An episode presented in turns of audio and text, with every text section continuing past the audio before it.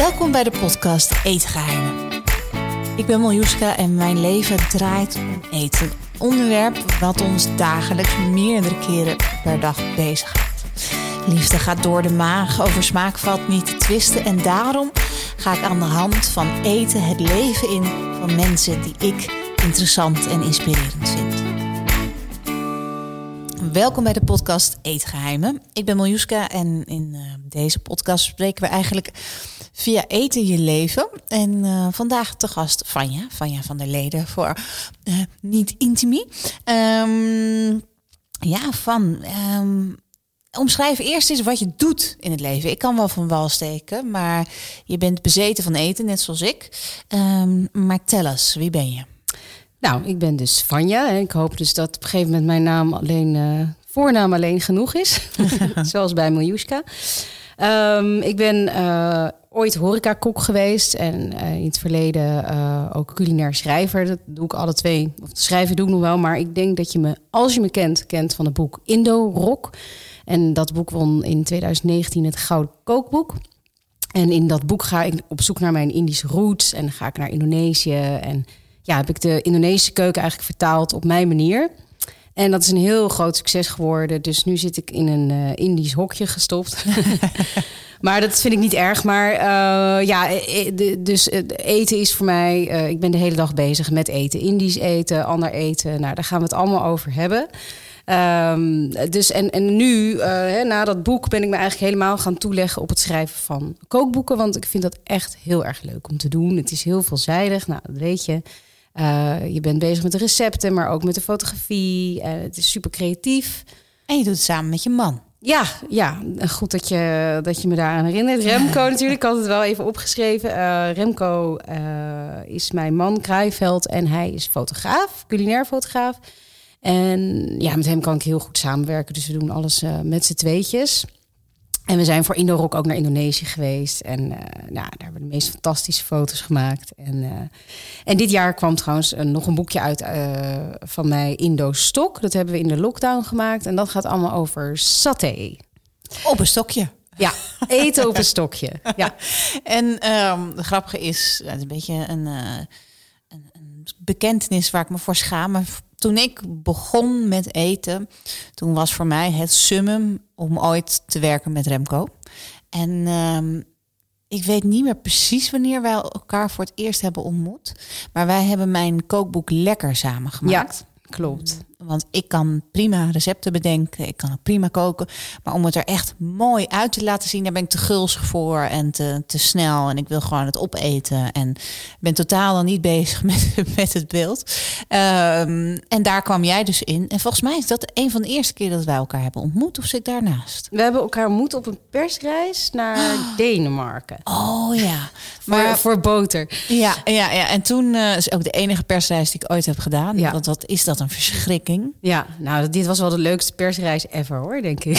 Ja, nee, want we mochten de hele tijd eten. Maar je bent toch uh, um, op een soort schoolreisje. En als volwassene um, is het toch moeilijk om niet zelf te bepalen wat je wanneer doet, vind ik. Ja, dat is zo. Ja. ja maar ik vond het eten in die schuur, weet je wel? Ja, ja, ja. Dat was wel heel erg leuk. Ja, moeten we even omschrijven. Dat was ergens op een boerderij. En uh, we sliepen dan in een stad. En dan gingen we met z'n allen in een bus onderweg naar een stal. En ja. daar stapten we uit. En tussen de koeien gingen we eten. En er stond een hele lange tafel gedekt. En nou, het zag er fantastisch uit. En er was heel veel wijn. Ja.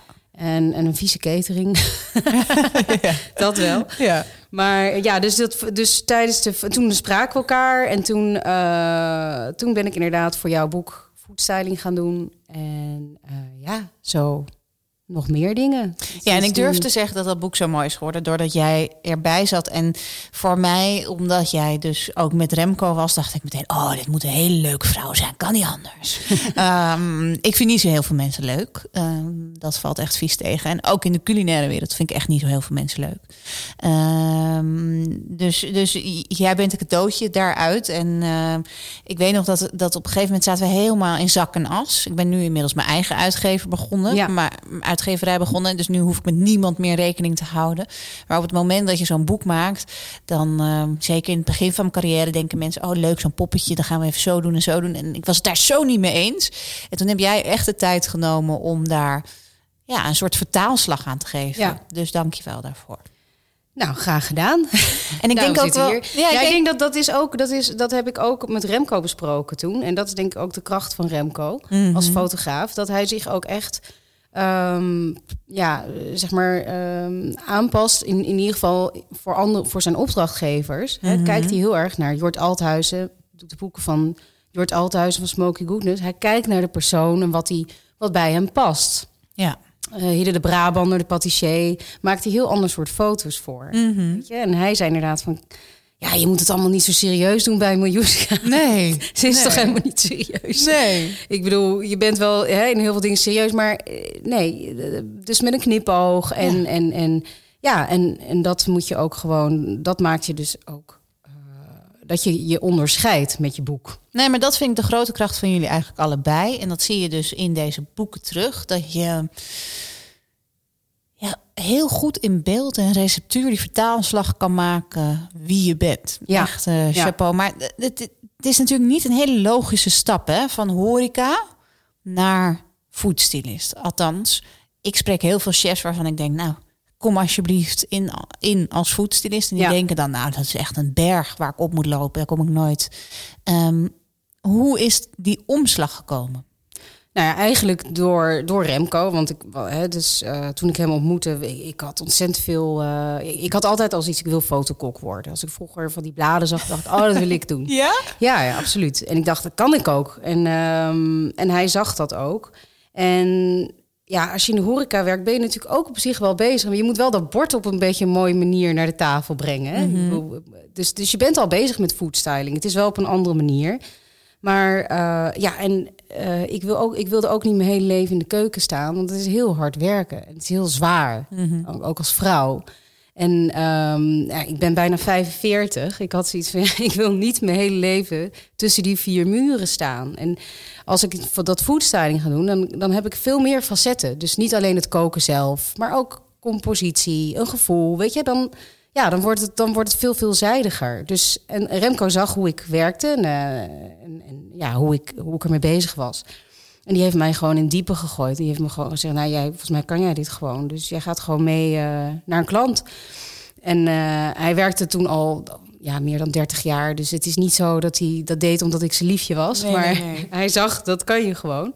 Dus zo is het gekomen. En eh, ja, en er zijn eigenlijk best wel veel horecakoks hoor... Die, die toch foodstyling gaan doen uiteindelijk. Ja, nou, dat kunnen mij niet genoeg zijn, want uiteindelijk is het een vrij klein poeltje. En dat zijn ook de beste, want ze Ja. kunnen hard werken en ze kunnen echt koken. Want heel veel mensen denken dat foodstyling een beetje met takjes peterselie heen en weer aan het bewegen is. Maar dat is het niet. Nee. Je moet echt kunnen koken, verstand hebben van hè, de kookprocessen, wat een ingrediënt doet, waar je de ingrediënten kunt halen, et cetera. Dus Ja, het grappige is, en dan, is, dan probeer ik dit het laatste te zijn wat we over eh, Remco zeggen. Maar het grappige is dat hij zei: Ik weet nog dat ik Vanja ontmoette en dat ik haar voor het eerst meenam naar de supermarkt. en daar liep ze rond alsof ze op Mars was.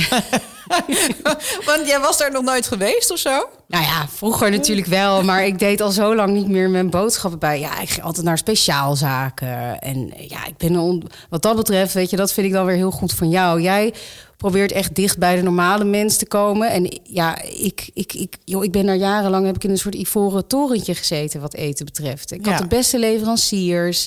Ik ging naar biomarkten. eh, ja, een supermarkt vond ik zo oninspirerend. Maar goed, inmiddels nu ik kinderen heb, ben ik heel vaak in de supermarkt.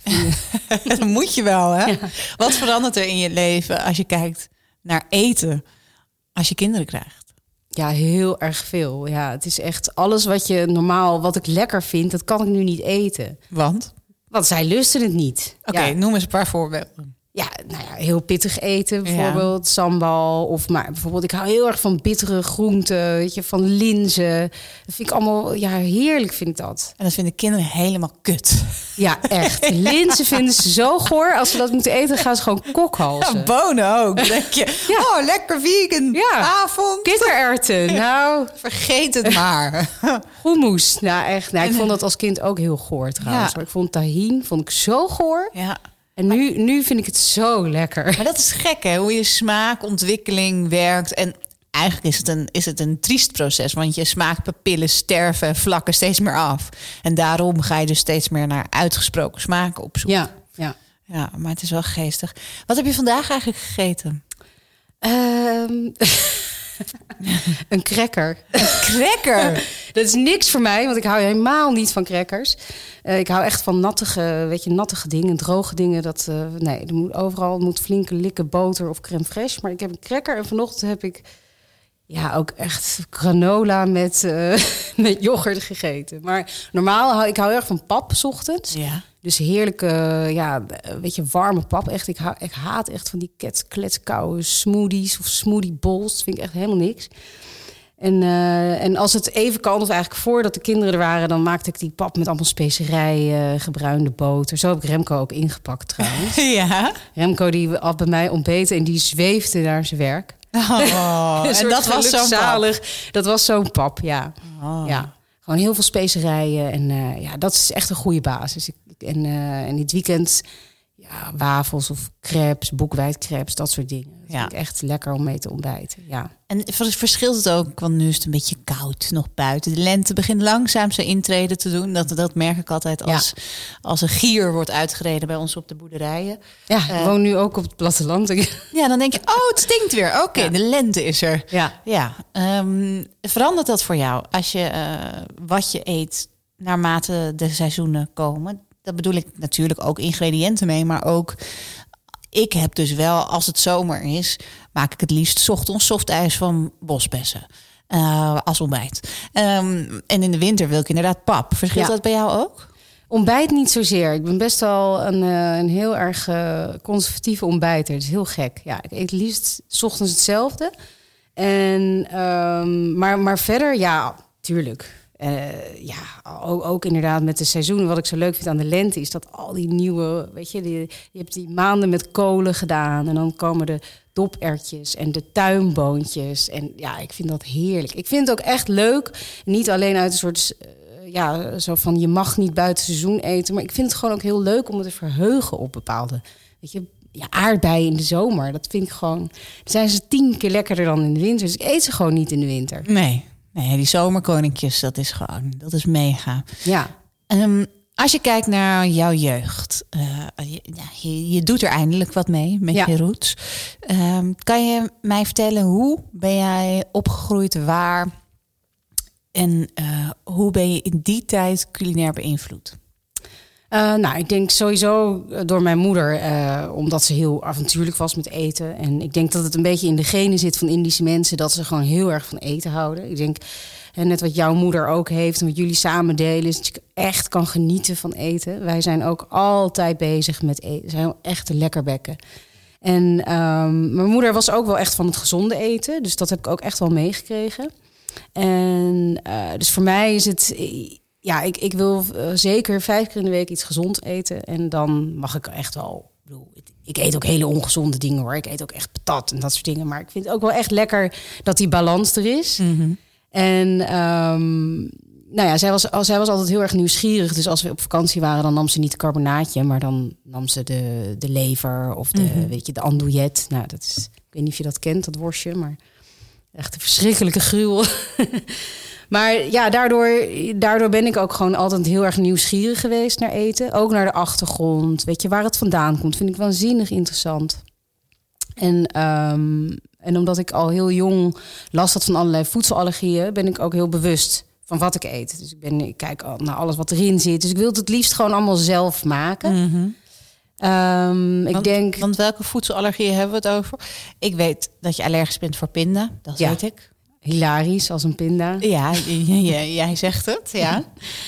Ja, nee, nou ja, goed, laten we vooral niet eh, heel lang over mijn voedselallergieën gaan praten. Nee, maar dat zorgde er dus wel voor dat je dacht, ja, leuk zo'n cracker, maar ik maak liever zelf iets. Nou, en ook als je bepaalde dingen niet mag, dat je dan niet gaat, gaat zitten kniezen van ik mag dit niet en ik mag dat niet, maar dat je denkt, hé, hey, dit mag ik allemaal nog wel.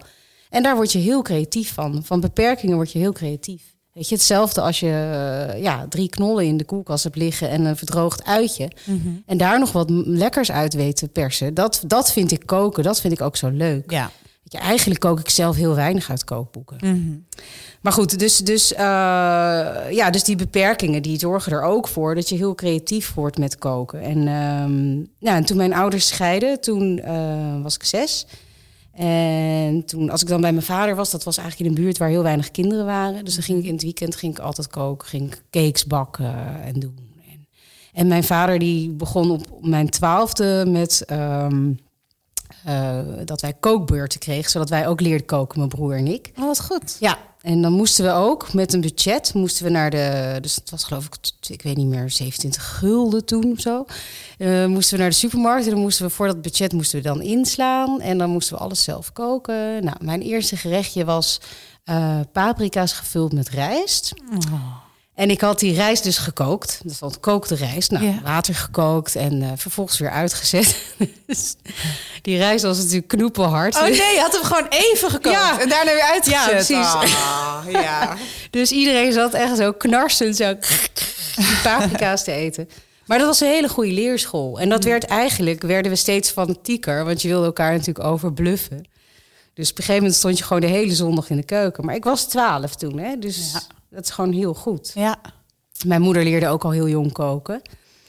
En, uh, en mijn vader kon zelf eigenlijk helemaal niet zo goed koken. Dus in het weekend kregen we dan uh, tosti Hawaii op zaterdag. En uh, Frans witte bonensoep. En dat kregen we dan iedere week. Of chili con carne, weet jij ook. Ja. ja. ja. Dus um, ja, zo is eigenlijk mijn interesse denk ik aangewakkerd.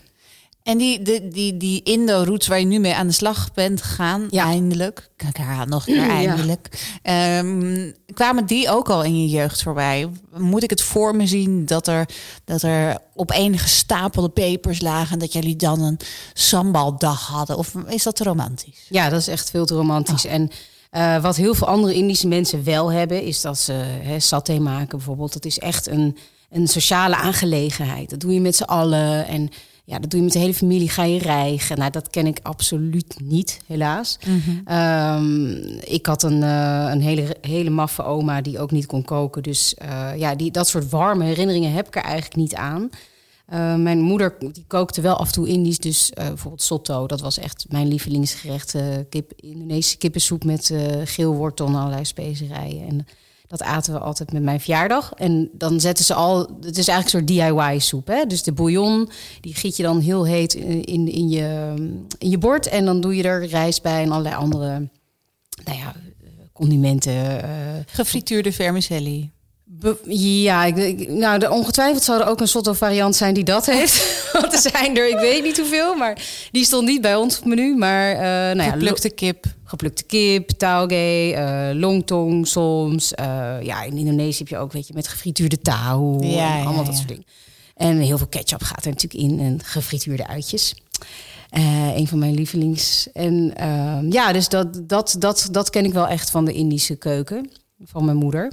Ehm, maar het was dus dat hele gezellige leuke, dat heb ik eigenlijk pas heel recentelijk ontdekt. Want... Ja, want je hebt je ook best wel afgezet er tegen, toch? Je bent, je bent Frans gaan koken, je hebt zelfs nog in Italië gewoond, daar moeten we zo ook nog even naartoe. Zeker. Maar het was niet zo van dat jij dacht, eh, nou, flatsen, ik ga het even eer doen aan, uh, aan, aan, aan deze keuken. Nee, ja, ik het is niet dat ik niet van die keuken hield, maar ik, ja, ik, ik vond zo cliché, weet je wel. Indische kookt Indisch, ja. Ja. Ja, en, en, en, en ja, ik, ben, ik, ik heb het ook niet van huis uit meegekregen. En het kwam eigenlijk toen mijn oma overleed. Toen was ze toevallig in Indonesië. En toen hebben ze haar per ongeluk daar uh, begraven. Want je moet daar vanwege het geloof binnen 24 uur uh, onder de zoden. En ja, toen zijn mijn broer, mijn moeder en ik zijn afscheid gaan nemen. En toen is het eigenlijk het zaadje geplant, want toen zag ik dat land voor het eerst. En ja, en dat klinkt dan ook wel weer heel cliché, maar dit, ja, het was echt. Ja, ik zag allemaal gezichten die ik gewoon kende, weet je wel, vanuit Nederland, omdat het natuurlijk een heel grote bevolkingsgroep hier is.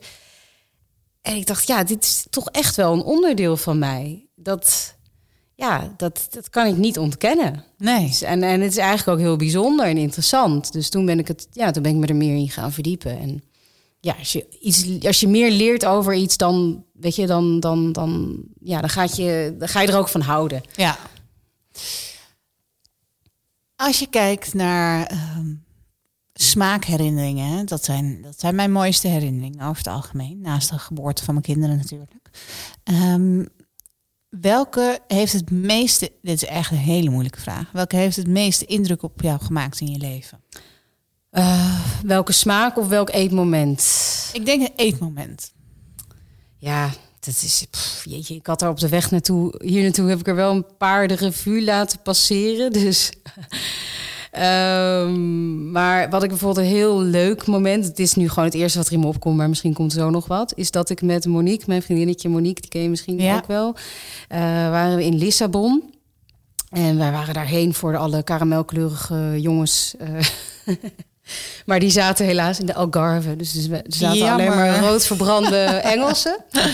En dus wij waren helemaal opgetut in mooie jurkjes. En we hadden via via een uh, restaurant uh, aangeraden gekregen waar we zouden moeten eten. En daar zagen we, ja, het was een visrestaurant. Nou, en ik zag allemaal, uh, wij zagen een soort ja, hele rare, ja, soort olifantspootjes leken het wel. En daar spoot ook water uit. En we zagen andere tafels dat eten. Ik haal nu twee dingen door elkaar, sorry. Er waren ook schelpen waar af en toe water uitspoot. Maar goed, deze dingen zagen er heel raar uit. En we zagen allemaal mannen dat eten. En wij zeiden van, wat is dat? Dat willen we ook.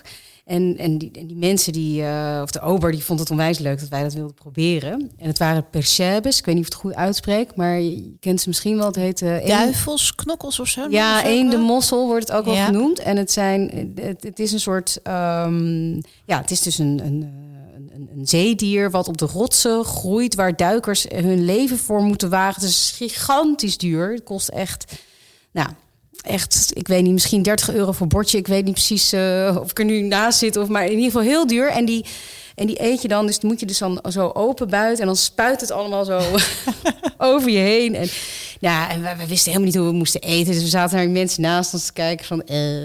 En die mannen vonden het om ons heen allemaal geweldig. Nou, en toen werd er een fles met brandy op ons uh, tafeltje gezet na het aflopen. En ze vonden dat, nou, dat was echt een hele leuke eetherinnering. Was een epische avond. Ja, mooi. Ja, ja. Um, over reizen gesproken, inderdaad, voor je boek heb je het natuurlijk gedaan. Ja. Uh, je bent er ook niet vies van om dus even met een vriendin naar Portugal te gaan en even uh, daar iets leuks op te zoeken. Um, maar je hebt ook een tijd in Italië gewoond. Ja. Wanneer was dat en waarom vooral? Uh, in eerste instantie uh, wilde ik gewoon vloeiend Italiaans spreken, want ik vind het gewoon een hele mooie taal. En, en toen was ik 18, 19 en toen ben ik als au pair gegaan en toen heb ik ja, toen ik daar was, ook maar de mannen en wat beter leren kennen. en, de, en natuurlijk, ja, je kon, ik bedoel, ik, ik had al heel erg veel interesse in eten. En, en toen in Italië kon je er natuurlijk helemaal niet omheen. -hmm. uh, maar toen ik in Rome woonde, dus als au pair, ja, toen had ik een heel klein budgetje. Toen zat ik vooral op mijn kamertje heel veel uh, koekjes te eten in mijn eentje. Wat niet altijd heel leuk was. Um, want ik was daar ook vrij eenzaam. Ja. Maar misschien kunnen we het daar later nog over hebben. Ik heb echt wel een beetje een haat-liefde verhouding met eten. Maar tijdens mijn tweede periode, dat is toen uh, voor mijn studie, ben ik later naar Florence gegaan. Mhm. Mm. En daar uh, ja, had ik op een gegeven moment uh, een, een, verkering. En zijn ouders die hadden een heel mooi huis boven op de heuvels van Florence met een eigen olijfboomgaard. En zijn vader was jager. En nou ja, als je daar kwam eten, dan had je dus gewoon op een doordeweekse dag vijf gangen tijdens de lunch. Dat was oh. heel normaal.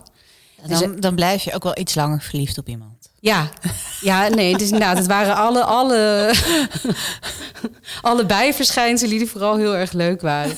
En het leuke was dat zij hadden een, een kok, Agostino, en dat was een Filipijn. En die had alles geleerd van de moeder van um, uh, Lorenzo, zo, zoals mijn ex heette.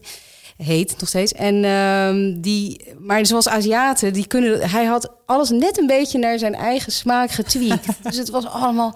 Het was zo geweldig. Ja, ja oh, de beste carbonara. Ja, die eet je niet in, in, in Florence, die eet je in Rome. Maar die van hem was, nou... Ongeëvenaard. Ja, en porchetta, weet je. Een, uh, nou ja, een Ligurische vis, of uh, vissoep uit, niet Ligurië, maar hoe heet het nou, uh, aan de kust daar. Nou ja, de naam ontschiet me even. Maar dan zo'n heel groot stuk geroosterd brood met knoflook. Oh. En daar dan die visbouillon opgegoten. En dat aten we dan onder een hele grote magnoliaboom. Nou, pff. En wat studeerde je daar dan?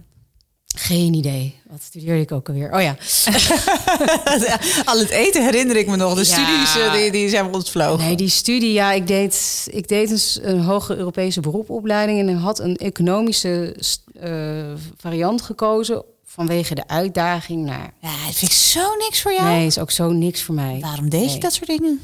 ja, ik heb heel lang dingen gedaan die ik niet leuk vond. Ik heb heel lang gedacht dat ik op een kantoor moest werken en dat ik serieus mevrouw moest worden. En, ehm, en ik werkte al heel lang in de horeca. Hè. Vanaf mijn 16 heb ik in de horeca gewerkt. En tot, eh, ja, tot ver in mijn studie. En op een gegeven moment dacht ik van ja, nu moet ik iets, uh, iets serieus gaan doen. En nou, ik heb dat een aantal jaren gedaan en daar werd ik zo ongelukkig van. Ja. En uh, ja, en toen ben ik op een gegeven moment, ik heb echt heel lang gezocht uh, om te vinden wat ik, ja, wat, ik, wat ik eigenlijk moest doen. En dus ik heb ook bij Shell gewerkt. Wat? Ik heb, ja, ik heb bij een. Wat heb je daar gedaan dan? Ja, een soort event organizing. En het enige waar ik aan dacht was de lunch. Oh, dus ja. Ze hadden daar wel een hele goede kantine. Ja, ja, ja. En um, ja, dus en, en zo van de ene baan naar de andere gehopt. En op een gegeven moment, ik, kon gewoon niet meer. Ik was zwaar ongelukkig. En toen ben ik ook, ja, ik had ook een beetje een, hè, doordat dat ik heel veel, uh, dus vanwege mijn allergieën en zo, was ik heel erg op dat gezonde. En toen sloeg ik daar helemaal in door. Nou, toen kreeg ik vreedbuien, weet ik wat allemaal. Dus je zou kunnen zeggen dat, dat je tegen eetproblemen hebt aangeschuurd. Nou, nee, niet tegen aangeschuurd hoor. Wel echt. Je bent er vol ingedoken. Vol ingedoken. Ja. En hoe uitte ja. zich dat dan? Nou, in het begin gewoon nog, hè, wat ik zei, zo'n heel pak koekjes eten in Rome. En uh, totdat ik op een gegeven moment echt ging compenseren met heel hard sporten. en, en op een gegeven moment dacht ik van, nou ja, zal ik doen, steek gewoon een keer mijn vinger in mijn keel. Dan kan ik gewoon heel veel eten. En nou ja, dat ging dan van kwaad tot erger. En tegelijkertijd was ik ontzettend verliefd op eten. Ja. Dus het was echt de kat op het spek binden. Want ik was er de hele tijd mee bezig. Ik wilde de hele tijd lezen. Ik wilde het koken. En, en tegelijkertijd was het ook mijn vijand. Ja. Maar uiteindelijk heeft het me gered. Want er is een turning point gekomen. En dat je dacht... Oké, okay, dit kantoorleven is dus niks voor mij. Wat ben ik aan het doen? Wat doe ik mezelf aan? Wanneer is dat geweest? Um, nou ja, het is een proces geweest, dat wel mm. wat langer. En tijdens een, een reis, want we hadden het net over reizen. Toen was ik in Spanje met een, uh, met een Spaanse kunstenaar. die mij ook weer van alles liet eten. En um, ja, die vertelde dat het voor hem echt een leidensweg was geweest. Het klinkt allemaal heel dramatisch mm -hmm. nu. Maar als je creatief bent en je doet niet iets creatiefs... dan kan dat echt een leidensweg zijn. Mm -hmm. En ik wist niet waar, ik weet je, ik wist gewoon niet waar het zat. En toen, ja, toen heb ik gewoon besloten van, nou, ik moet gewoon, ik moet gewoon, ja, ik moet gewoon iets met koken gaan doen. En hoe weet ik allemaal nog niet. En dat zien we allemaal wel, maar in ieder geval uh, moet ik stoppen met dat kantoorwerk. En toen?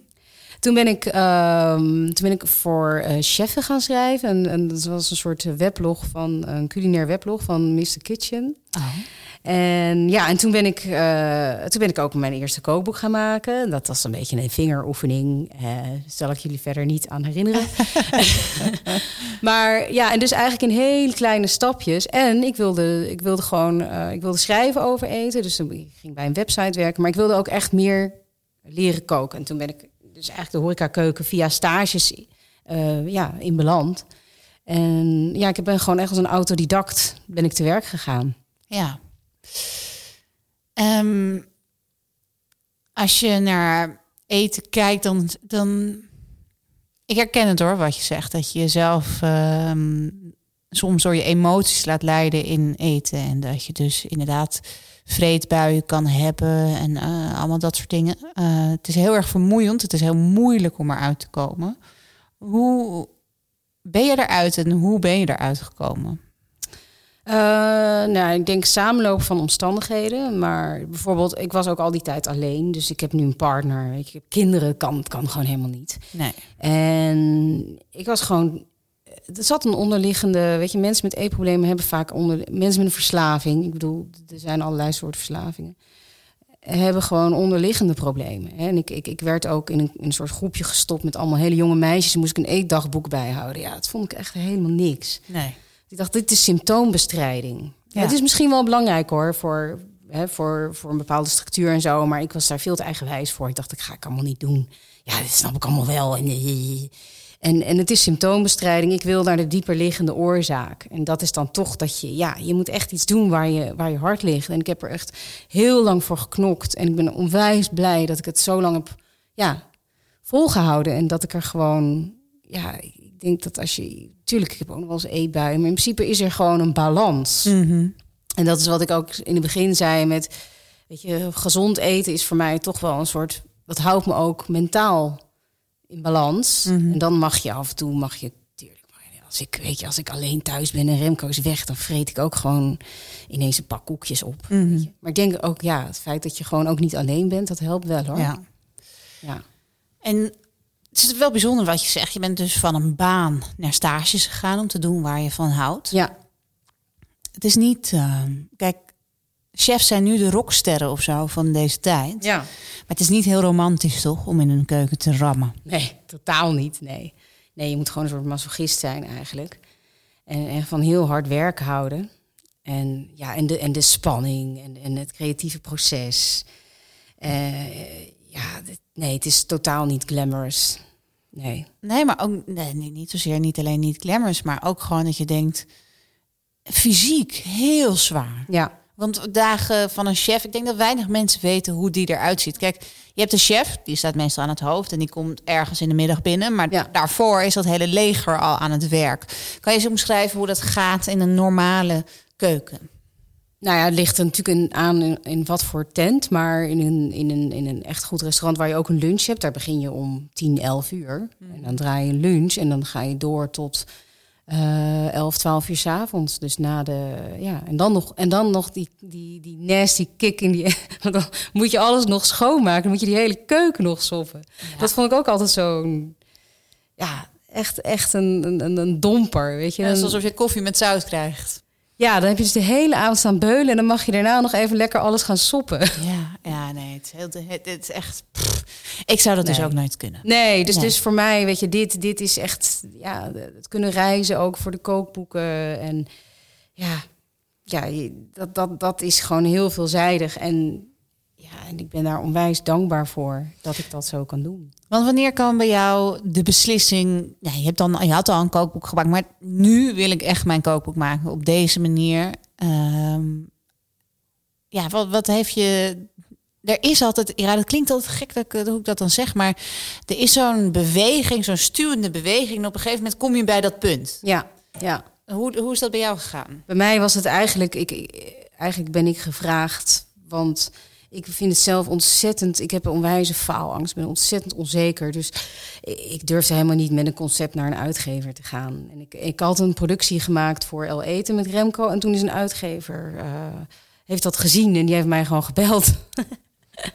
en toen dacht ik van ja, oké, waarom niet? Maar waar komt die faalangst dan vandaan? Want je, ik weet, je bent heel goed. Ehm, inmiddels zou je dat ook toch wel van jezelf kunnen zien, toch? Ja, nou, weet ik niet. Ik denk dat eh, mensen, ja, ik, ik ben gewoon een, eh, een gekwelde kunstenaar. Ja. Nee, dat klinkt een beetje. Maar ik, ik, ik, lees dat van heel veel mensen die heel, ja, die heel, dat wil ik mezelf helemaal niet onderscharen. Maar als je, creatief, ja, als je creatief bent, dan geef je zoveel van jezelf. Ja. Je legt je hele ziel en zaligheid erin. ja. Dus als iemand dan zegt van nou, ik vind geen reet aan dat boek. Dan, is Dan het doet mij- heel erg pijn. Oh, ik krijg echt zo'n stomp in mijn maag. Ja. Terwijl je hoeft het niet persoonlijk te nemen, maar ja, je stopt er echt heel veel van jezelf in. ja. En dat is wat je, hè, waar we het net over hadden, oh, wat jij zei van je ziet heel veel van jou in dat boek. Dat hebben we ook heel bewust zo, ehm, eh, ja, hebben we daar naartoe gewerkt. Dus ook met, met steekwoorden van wat, wat, wat betekent eten voor jou en wat voor gevoel krijg je daarbij. En dat, ja, dat vind ik ook heel. Ik zit nu naar een beetje naar jouw eh, magazine te kijken. En, eh, ja, die hangt hier op de achtergrond. ja, daar hangen allemaal bladen. En ja, dat vind ik dat je dat ook heel goed gedaan hebt. Het moet, ja, het heeft een bepaalde sfeer bij eten bij jou. Ja. Zoals het bij mij ook heeft. Ja.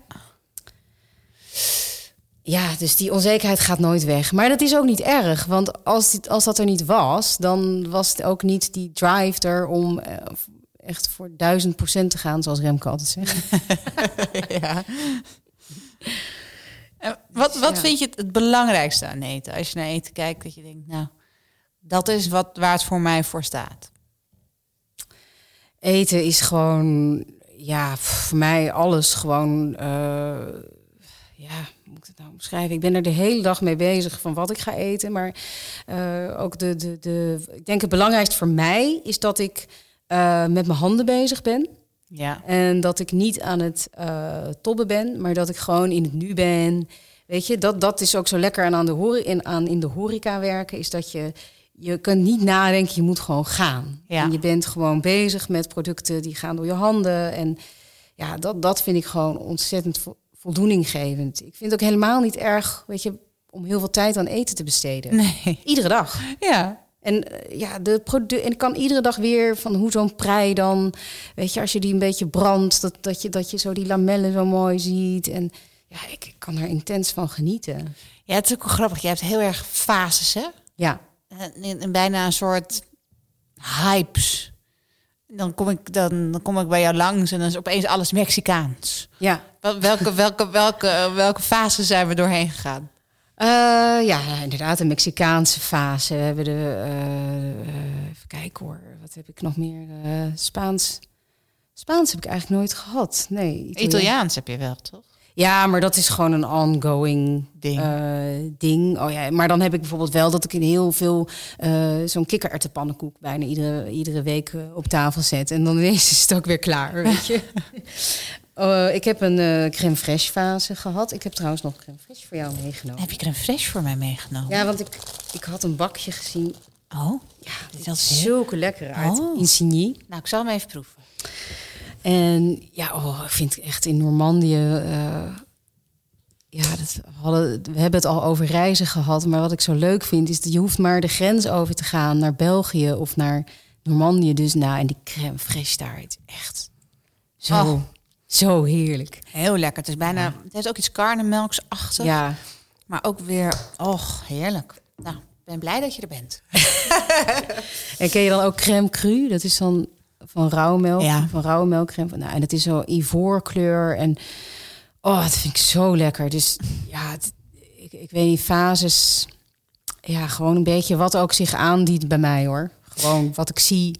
Daar, daar, daar gaan we mee rollen. Ja, Ehm, zelf pasta maken natuurlijk. Nu staat dat ding ergens achter in de kast. ja, nee, maar dat is... Iedereen koopt ooit een pasta-machine en een broodmaakmachine in zijn leven. En ehm, die gebruikt hij een paar keer en dan is het klaar. Ja, Dat is gewoon zo. ja. Ehm, betrek jij jouw kinderen bij koken? Ik vind het nog... eh, Uitdagend, hè? Ja, ik vind het nu nog uitdagend, want Reva, die is, eh, dat is mijn dochter, die is drie en dat is een ongelofelijke zoete kou. Dus die wil alleen maar likken, dus die wil chocola likken en dingen. Die, die wordt alleen nog maar dikker. Als- nou ja, of tenminste, niet dat ze dik is, maar ja, die is zo op het zoete. En Miro is iets minder geïnteresseerd op het moment. Dus ik, ik vind het wel lastig hoor. Ik, eh, ik moest op een gegeven moment voor Allerhande of voor Albert Heijn een keer een kookfilmpje maken. Nou echt, we, hebben er alles uit moeten knippen waar we aan het godveren en het... Luister nou een keer! En dan... dus ja, want hoe, hoe, hoe oud was, waren jouw kinderen toen je dat voor het eerst ging doen? Uh, Rembrandt vond het vroeger leuk. Die taal is er nu echt totaal niet meer naar. Nee. En eh Felina wil altijd meedoen. Ja, Maar Ja. die, die, die is ook gewoon graag met haar handen bezig. Ja. En in het nu. ja. In plaats van... eh, ja, die is niet van de theorie. Nee, en, die, en, die, en, die, en hoe ga je dan bijvoorbeeld met een mes om? Want ze willen dan heel graag snijden. Ja, nou, ik heb die eh, mini-openelletjes. Eh, Ja. Daar ben ik mee begonnen. Daar doen ze zo... Dat, dat is echt top. Daar kunnen ze zich niet aan snijden. Ehm, en nu snijdt ze met een gewoon mes. En soms gaat het fout, maar over Ja. het algemeen gaat het goed. Afkloppen. dus eh, ja, en daar leren ze ook van, denk ik. Ja, nee, absoluut. Ja. Ja. Ehm, als je, je, je- Ik weet dat jij nu met een nieuw kookboek bezig Ja. bent. Wat, wat, wat is dat? Ja, dat, is wel, eh, dat moet nog heel erg oefenen in het in één zin zeggen. Nee, we hebben een podcast van zeeën tijd. Dus je mag zeggen wat je wil. Nou ja, wat ik je vertelde, hè, dus dat gezonde is altijd al een, eh, een, een, terugkerend eh, item in mijn eh, leven. Maar ik hou ook heel erg van lekker eten. Dus eten moet ook echt wel ehm, eh, ja, lekker zijn. En je, jij omschrijft het heel leuk in je magazine.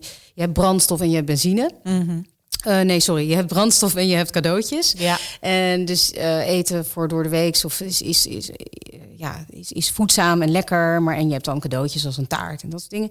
En eh, in dit nieuwe boek wil ik dus vooral eh, dat het eten gezond is en gevarieerd, maar ook dat het zo lekker is dat je vergeet dat het gezond is. Mhm. En eh, ik wil het zonder eh, allerlei eh, claims en hypes van Himalaya zout en, en, en, en smoothies en vegan glow en dat soort heel onzin. Ehm, ik ga al een tijdje mee natuurlijk. Dus ik heb ze ook allemaal doorstaan, dat soort. Ja, nee, maar dus weet je, het is eigenlijk een hele saaie boodschap. En dat is gewoon dat je heel gevarieerd moet eten. Weinig vlees, veel groenten, veel volkorenproducten. En eh, dus daarin zeg ik helemaal niks nieuws. Maar ik ga het wel op een nieuwe, een beetje een gekke manier benaderen. Ik ben zelf ook best wel, nou ja, ik kan een beetje OCD zijn en een beetje eh, heel erg zwart-wit. Dan ineens die kant op, dan die kant op. Dus het wordt echt een boek waarin we gewoon heel, ja, helemaal losgaan met eh, ja, de gezonde gerechten, maar op een hele humoristische en gekke manier. En wat ik ook heel interessant vind, is dat eh, je darmen, dus eh, het gaat, we gaan het ook zeker over poep hebben, een van mijn favoriete onderwerpen. Eh, je darmen zijn ontzettend belangrijk voor, je, hè, voor je hele, voor, voor je hele fysieke welzijn, maar ook je geestelijke welzijn. Daar zijn nu allemaal onderzoeken naar gedaan. En ja, het is, ik, ik ben me nu aan het inlezen, maar het is waanzinnig interessant. Er zitten gewoon eeuwenoude bacteriën in jouw darmpjes die van alles aansturen. Hormonen, je hersenen en hoe gevarieerder je eet, hoe ja, gevarieerder je flora ook is en hoe beter. En dat kan dus ook echt je stemming beïnvloeden. Mhm. Dus het is super belangrijk, denk ik, dat je wel echt gezond eet. Hè? En dat je dus, nou ja, dat zie je nu ook met corona, dat mensen met overgewicht. En, uh, maar ik wil niet vingerwijzen, want dat, dat, dat werkt gewoon niet. Dat Nee. weet ik uit ervaring. En ik wil af en toe ook zuipen en weet je, in een greppel liggen en, en uh, helemaal naar de kloten. Maar dat, ja, dat moet ook kunnen af en toe. Ja. Nou, daar, daarover gesproken, wat is je favoriete katerontbijt? dat vraag ik me dan af. Wentelteefjes. Ja, turnaround bitches. Oh ja, maar ik vind wentelteefjes zo lekker. Ja, zijn ook. Echt. Hoe maak jij ze dan? Nou, sowieso moet je je brood heel dik snijden. Dat is denk ik echt heel belangrijk. En ik vind zuurdesem heel lekker. Mhm. Uh, dat het ook nog een bite heeft. En um, ja, dan keihard bakken, zodat ze van buiten krokant en dan van binnen sompig. Ja, lekker. Dat is zo lekker. Jouw ouders, hè? Um, jouw vader is overleden. Jouw moeder moet af en toe hebben gedacht: holy fuck, wat ben je aan het doen? Ja. Um, hoe is het voor hun geweest om jou deze route af, te, te zien afleggen? En um, kijk, je moeder kan het meemaken, je vader helaas niet. Um, hoe denk je dat hij het had gevonden om dit te zien? Ja, mijn vader zei altijd: je moet gewoon doen wat je leuk vindt. Mm. Dat heeft hij altijd gezegd. En dat klinkt heel, dat klinkt heel, ja, zo heel makkelijk. Ja. Um, dus ik denk dat hij heel waanzinnig, ja, ik denk dat hij waanzinnig trots op me zou zijn. En uh, mijn moeder is, omdat, omdat ze gescheiden uh, zijn en mijn moeder ook uh, voor zichzelf moest zorgen, iets meer op safe gegaan. Weet je. Dus ze zei, ga nou maar wat doen waar je geld mee kan verdienen. En, uh, ze is ook heel creatief, ze kan heel goed tekenen. En, uh, maar ja, gewoon uit een soort zelfbescherming wat, ja, wat, wat, wat beschermender, wat behoudender geweest. Mm -hmm. En we hebben daar ook best wel strijd over gehad, weet je. En, maar uiteindelijk zei ik, ja, ik, ik, doe ook dingen zodat jij tevreden kan zijn. En toen zei ze van, oh, maar ik wil gewoon dat je doet wat je leuk vindt. Dat is het allerbelangrijkst. Ja. Dus dat is wel heel goed geweest dat je ook dat soort dingen tegen elkaar uitspreekt. Ja, het grappige is als je in de rol van dochter zit, voelt het, dat, eh, dat is niet grappig, het is natuurlijk normaal. Dat voelt zo anders dan andersom. En wij hebben nu kinderen. En wij gaan die andersom dus aan, ja. zometeen. Uh, als je kijkt naar de economie, naar de wereld, is het best een pittige tijd om ja. op te groeien. Um, ben jij er zeker van dat je niet in dezelfde valkuil valt als je moeder? Um, nou, ik heb zoveel therapie gevolgd. dat zou heel erg zonde van het geld zijn. Ja. Maar um, nee, natuurlijk heb ik ook bepaalde valkuilen. Maar ik denk dat het heel belangrijk is uh, om te kijken naar je kind en te zien wie die is. Mm -hmm. In plaats van wat jij voor me zou willen. Mm -hmm. Net zoals mijn zoontje wil autoverkoper worden. Nou ja, prima. Zo so be it. ja. dus hij dat, is nu Hij is vijf. We hebben het nog even, ja. Hij heeft het alleen maar over uitlaten. Maar eh, ja, nee, dus dat, dat, is denk ik, dat is denk ik de uitdaging. Mhm. Je kind zien voor wie die is. Wat kan er niet missen in jouw koelkast slash keukenkastje? Wat staat er altijd? Crème fraîche, Ja. eh goede olijfolie. Dus niet van de supermarkt, maar echt goede. En dan van de supermarkt gebruik ik dan om te bakken. Goede anchovies. Ehm, ik heb altijd ehm tahine eh, staan ook. En ja, heel veel verse kruiden. Want ik maak alles gewoon met, weet je, je kan al, al, altijd wel ergens een salsaatje van maken. Eh, gerookte pepers, eh trassie. ja, er staat heel veel hoor in mijn, eh, in mijn keuken. Ja, ja, ja, ja. Ja. En je bent nu net verhuisd? Ja. Van de stad naar het platteland? Ja, ik heb nu een bijkeuken. Dus ik zit nu een beetje zo te kijken van wat staat ook allemaal nog niet goed. Wat staat er allemaal in de bijkeuken? Ehm, ja, nou in ieder geval dus gewoon heel veel anchovies. Tomatenpuree, ook onmisbaar. Dus het, dat wordt een soort van jouw voorraadkast. Ja, Wat luxe, hè? ja, super fijn. Ja. Ja. Ja, ja. je moet echt anders gaan koken nu dan. eh, je kunt niet meer even terug naar de winkel voor een. eh, Nee. want ik had dus geen olijfolie meer van de week. Nou, toen dacht ik echt. Wat moet ik zonder olijfolie? En toen? Nou ja, dus toen hebben we gewoon heel veel boter. Kwam ook goed. ja. ja. Nee, dus dat, dat en, en boter inderdaad. Boter met, met zoutvlokken, dat vind ik ook echt. Dat moeten moeten echt in huis hebben. Ja. Ehm, je, je hebt bepaalde plekken, dat heeft iedereen. Als je daar langs rijdt, dan moet je stoppen en dan moet je dat halen om te eten. Waar heb jij dat? Ik heb bij dat natuurlijk bij Van der Linden. Als, en dan als Taart. ja. Ja. Ah, shit. Ja, maar dat heb ik ook bij Bakkerhart toch? Ja, oh ja, nee, bij Niemeyer heb ik dat. Ja. Nou, dat is wel, dat is een bakker in het centrum van Amsterdam. Daar kun je heel moeilijk langs rijden met de auto. Maar ik woonde daar vroeger om de hoek. Ja. Dan moet ik een croissantje. En die croissantjes zijn zo flaky en, en, en ook heel klein. Dus je kan er eigenlijk ook twee van eten. Ja, echt, dat vind ik echt de aller, aller, allerlekkerste croissant. En zij hebben ook cannelé. Oh. dat vind ik zo lekker. Dat is dan aan de buitenkant helemaal gebrand. En van binnen zo puddingachtig. ja. Zo lekker. Eh, wat nog meer? Ja, jeetje. Ja, pizza. Van een Turkse pizza. Als ik langs een, eh, een, een goede Turk loop. Ja, dan, dan moet hij naar binnen. Ja. En ehm, zijn er dingen die je vroeger... Ja, nou, je zei het al, tahin, die je niet at en die, Ja. je, die je nu wel eet. En zie je dat ook weer terug aan- bij jouw kinderen? Eh, ja, die eten. Nou ja, inderdaad, toen ze wat jonger aten, waren, aten ze veel meer. Nu, Ja. nu eh, wat minder. Maar zelf at ik als kind pure chocola en eh, oude kaas. Ja. Dus ja, daar had je natuurlijk al aan kunnen zien dat ik een fijnproever.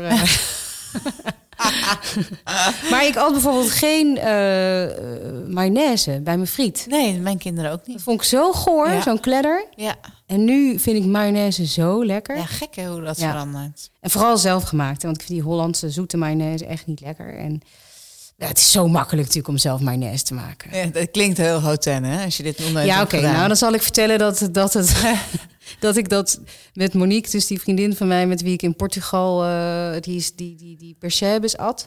Wij gingen dan na een avondje eh, wodka drinken nog mayonaise maken. Nou, En dat kwam ook nog goed. nee, helemaal Oh, dat niet. niet? Alleen maar in de schrift. En echt zo, Oh. kan het nou? Kan het nou? en nu, nou ja, ik kan een tip. Het is altijd gewoon het zuur met het vet. Dat, hè, dat kun je gewoon met een staafmixer en dan in een heel dun straaltje de olie erbij. Dat kan niet misgaan. Oké, nou, ik, eh, ik hou je daar aan. Ehm, jij schrijft ook in Indo-Rock dat, ik hou me ten goede hoor, dat er een verschil is tussen Indonesisch en Indisch, Ja. toch? Ja, Kan je dat even ehm, ehm, uitleggen? Nou, Indisch is een mengkeuken of, of eh, een mengeling van Indonesisch en Nederlands of Europees. Dus eh, de, de repatrianten, zoals ze dat zeggen, die in de jaren 50 naar Nederland kwamen. Dus eh, er waren daar vanwege het koloniale verleden allerlei gemengd bloedigen. Dus eh, Nederlands-Indische mensen. Of Nederlands-Indonesisch. En die eh, kwamen na de onafhankelijkheid van Indonesië naar, eh, naar Nederland. En die hebben een keuken meegenomen. En ja, die is hier eigenlijk een eigen keuken geworden, of was het ook al daar. Maar dat is dus iets anders dan de Indonesische keuken. Want de Indonesische keuken is ja, de keuken van daar. En dat zijn ook allemaal weer regionale keukens, omdat het allemaal eilandengroepen zijn.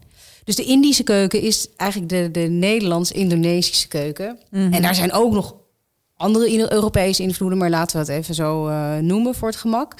En uh, ja, dat is hier in Nederland uh, natuurlijk ook met de ingrediënten die er hier waren. En ook weer een beetje aangepast aan de Nederlandse smaak. Mm -hmm. um, dus dat is het verschil. En in Indorok kook jij Indonesisch of Indisch? Ja, goede vraag. Ja. Eigenlijk Indisch, want het is ook weer een, een, mengvorm. Ja. Maar het is eigenlijk Indisch uh, 2.0 of zelfs 3.0. Want de, de, Indische keuken is al heel oud. Ja. Uh, maar wel met Indone Indonesische smaken. Ah. Ja.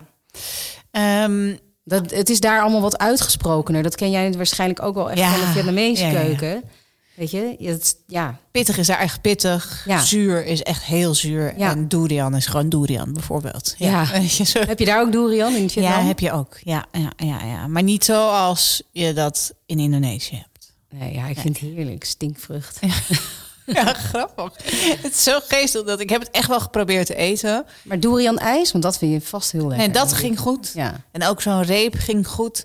Maar echt uit de vrucht daar. Ik kan alweer bijna kokken als we het erover hebben. Ja.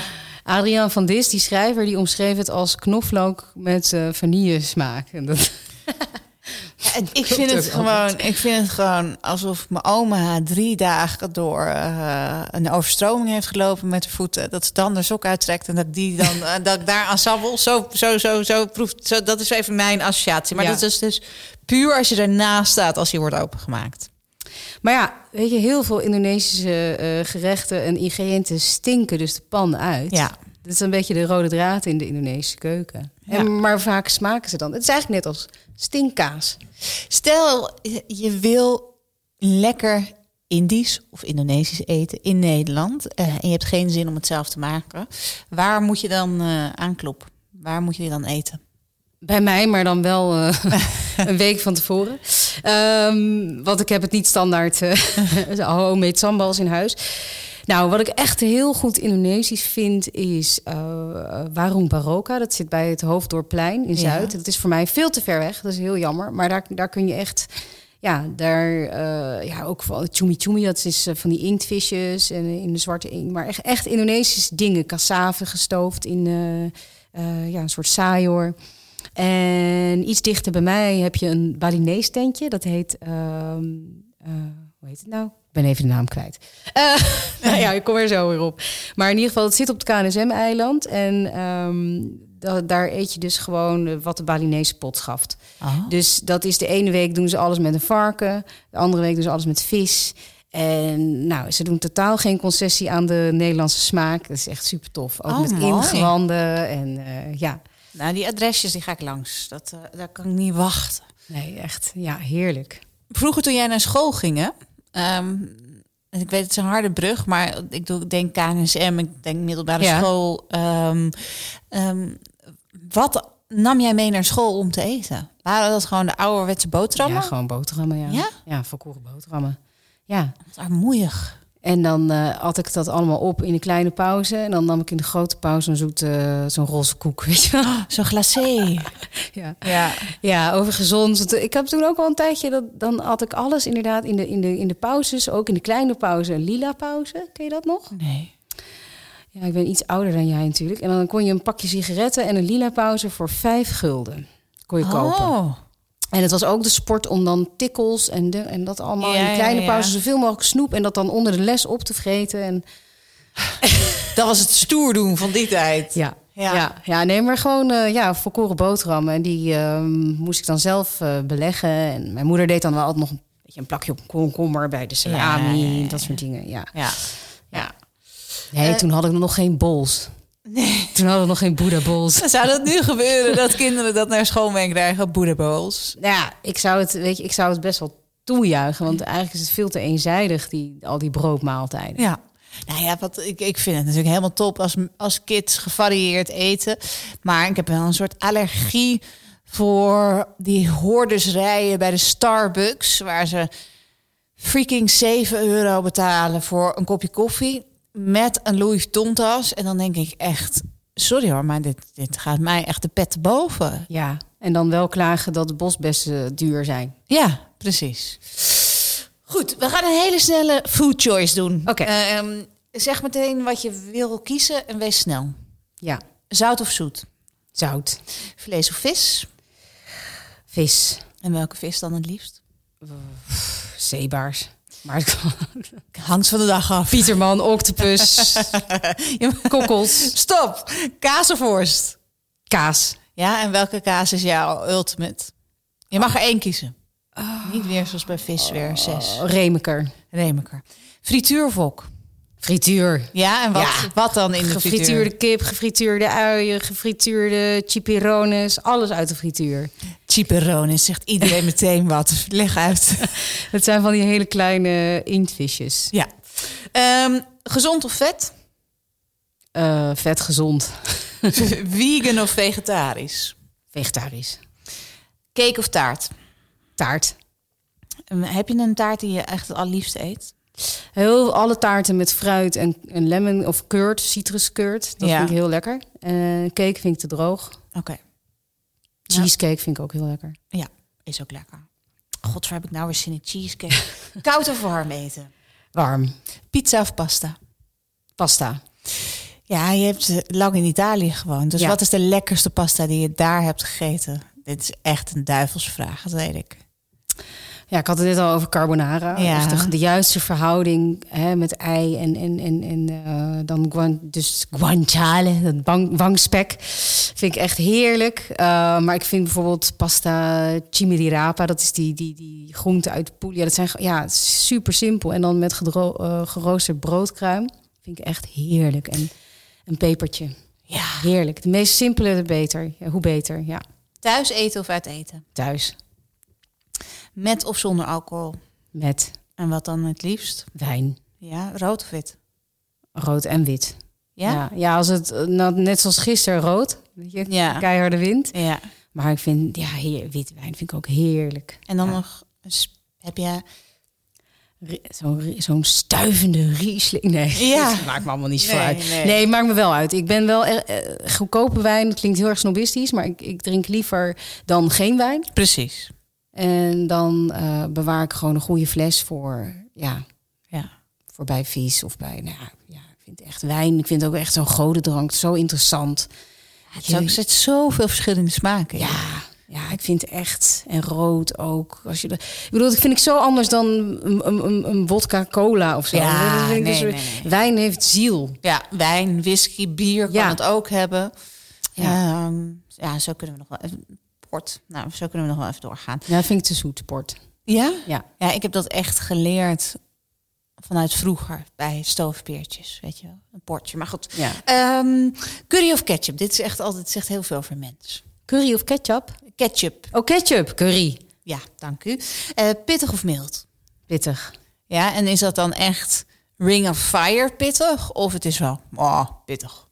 Nee, niet, ni- gewoon goed, lekker spicy. Want de, te pittig, dat, dat nee. Weet je, in Thailand heb ik van zo'n zo'n papaya salade met vijf van die kleine... Nou, dat sla, ja. Slaat helemaal nergens. Nee, je proeft helemaal niks meer. Nee. Dat is echt zonde. Ja. Nou heb je een, eh, hele weg afgelegd. Ehm, het heeft even geduurd voordat je wist wat het zou worden. Wie je bent. Volgens mij heb je dat heel goed in de smies inmiddels. En heeft het feit dat je kinderen hebt gekregen dat alleen nog maar versterkt. Wat ehm, zijn de plannen voor de toekomst? Nou, dat boek hè, waar ik het net over had, dan ga ik natuurlijk een Italiaans boek maken. Dat, dat ligt natuurlijk al in de, in de, ja, ehm, in de sterren, staat in de sterren. Eh, ja, weet je, maakt me allemaal niet zo heel veel uit. Ik, ik, eh, ik, ik zou heel graag, het zou het heel leuk vinden om een programma te maken. Ehm, ik vind, ja, magazines maken, boeken maken, vind ik ontzettend leuk. Ik, ehm, een groentetuin wil ik ooit nog eens. Ehm, ik zou het heel leuk vinden om ook zelf mijn boeken te illustreren. Ja, en dan, als ik op deze manier door kan gaan, dan ben ik eigenlijk gewoon een heel gelukkig mens. Nou, ik denk dat het een mooi besluit is. Hebben we alles gezegd wat je wilde zeggen? Of zeg je nog, nou, Volgens mij wel. ja? Ja, toch? Ja. Wat, het enige wat ik, wat, ik, wat ik geestig vind, wat we nog gezegd moeten hebben, is dat, ehm, dat, dat jij bent getrouwd, je huwelijk was top, maar je kon niet zelf koken. Dat was volgens mij de enige minpunt, toch? Terwijl het wel heel lekker was. Wat bedoel je? Kon, oh, je kon niet voor mezelf koken. Ja, ja, die avond. Ja. Ja, en dat vind ik dus zo mooi. Dat op een avond waar herinneringen tellen, jij baalt dat je niet zelf kon koken. Ik bedoel, toen, toen ik getrouwd ben. Ja, Oh, maar toen heb ik wel heel lekker gegeten hoor. weet ik. Maar Ja. ik weet nog dat, dat je... Dat, je, dat, je Heb ik dat gezegd? dat wij waren met het kookboek lekker bezig. En toen zei je, ja, dat is het enige wat ik ook nog zelf had willen doen. Oh, ik dacht, oké, nog niet genoeg stress. Maar je had heel lekker gegeten. Ja, dat, nou ja, oké. Hiermee sluiten we af. Maar als je het hebt over hè, het laatste avondmaal. Ja. Mijn, mijn huwelijksdag, dat was een lunch. En toen heeft een vriendin van mij, die heeft zo lekker gekookt. En wat ik zo stom vind aan Nederlandse trouwerij... is dat je vaak voor het diner... dan is alleen maar de familie. En dan moet jij aftaaien in een of ander bastionhotel Ja, dat is zitten. raar, hè? Ja. En dan mag, mag je terugkomen voor de bitterballen. Ik dacht, Ja. nee, iedereen mag eten bij mij. En we gaan waanzinnig lekker eten. Het was Ja. echt... En dan heel veel tafels in de Goudverzand. Een heel groot restaurant in Amsterdam-Noord.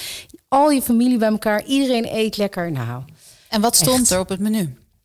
ja, heel een beetje Italiaans geïnspireerd. eh, porchetta, maar ook oh, linzen, sala. Gewoon, ja, gewoon comfortfood. En dan toe grote bakken chocolademousse en kaas. Dus en dat was eigenlijk jouw laatste avondmaal. dat, dat, ja, als ik het ooit, eh, als ik moet kiezen, dan doe ik dat als laatste avondmaal. En wie had er gekookt?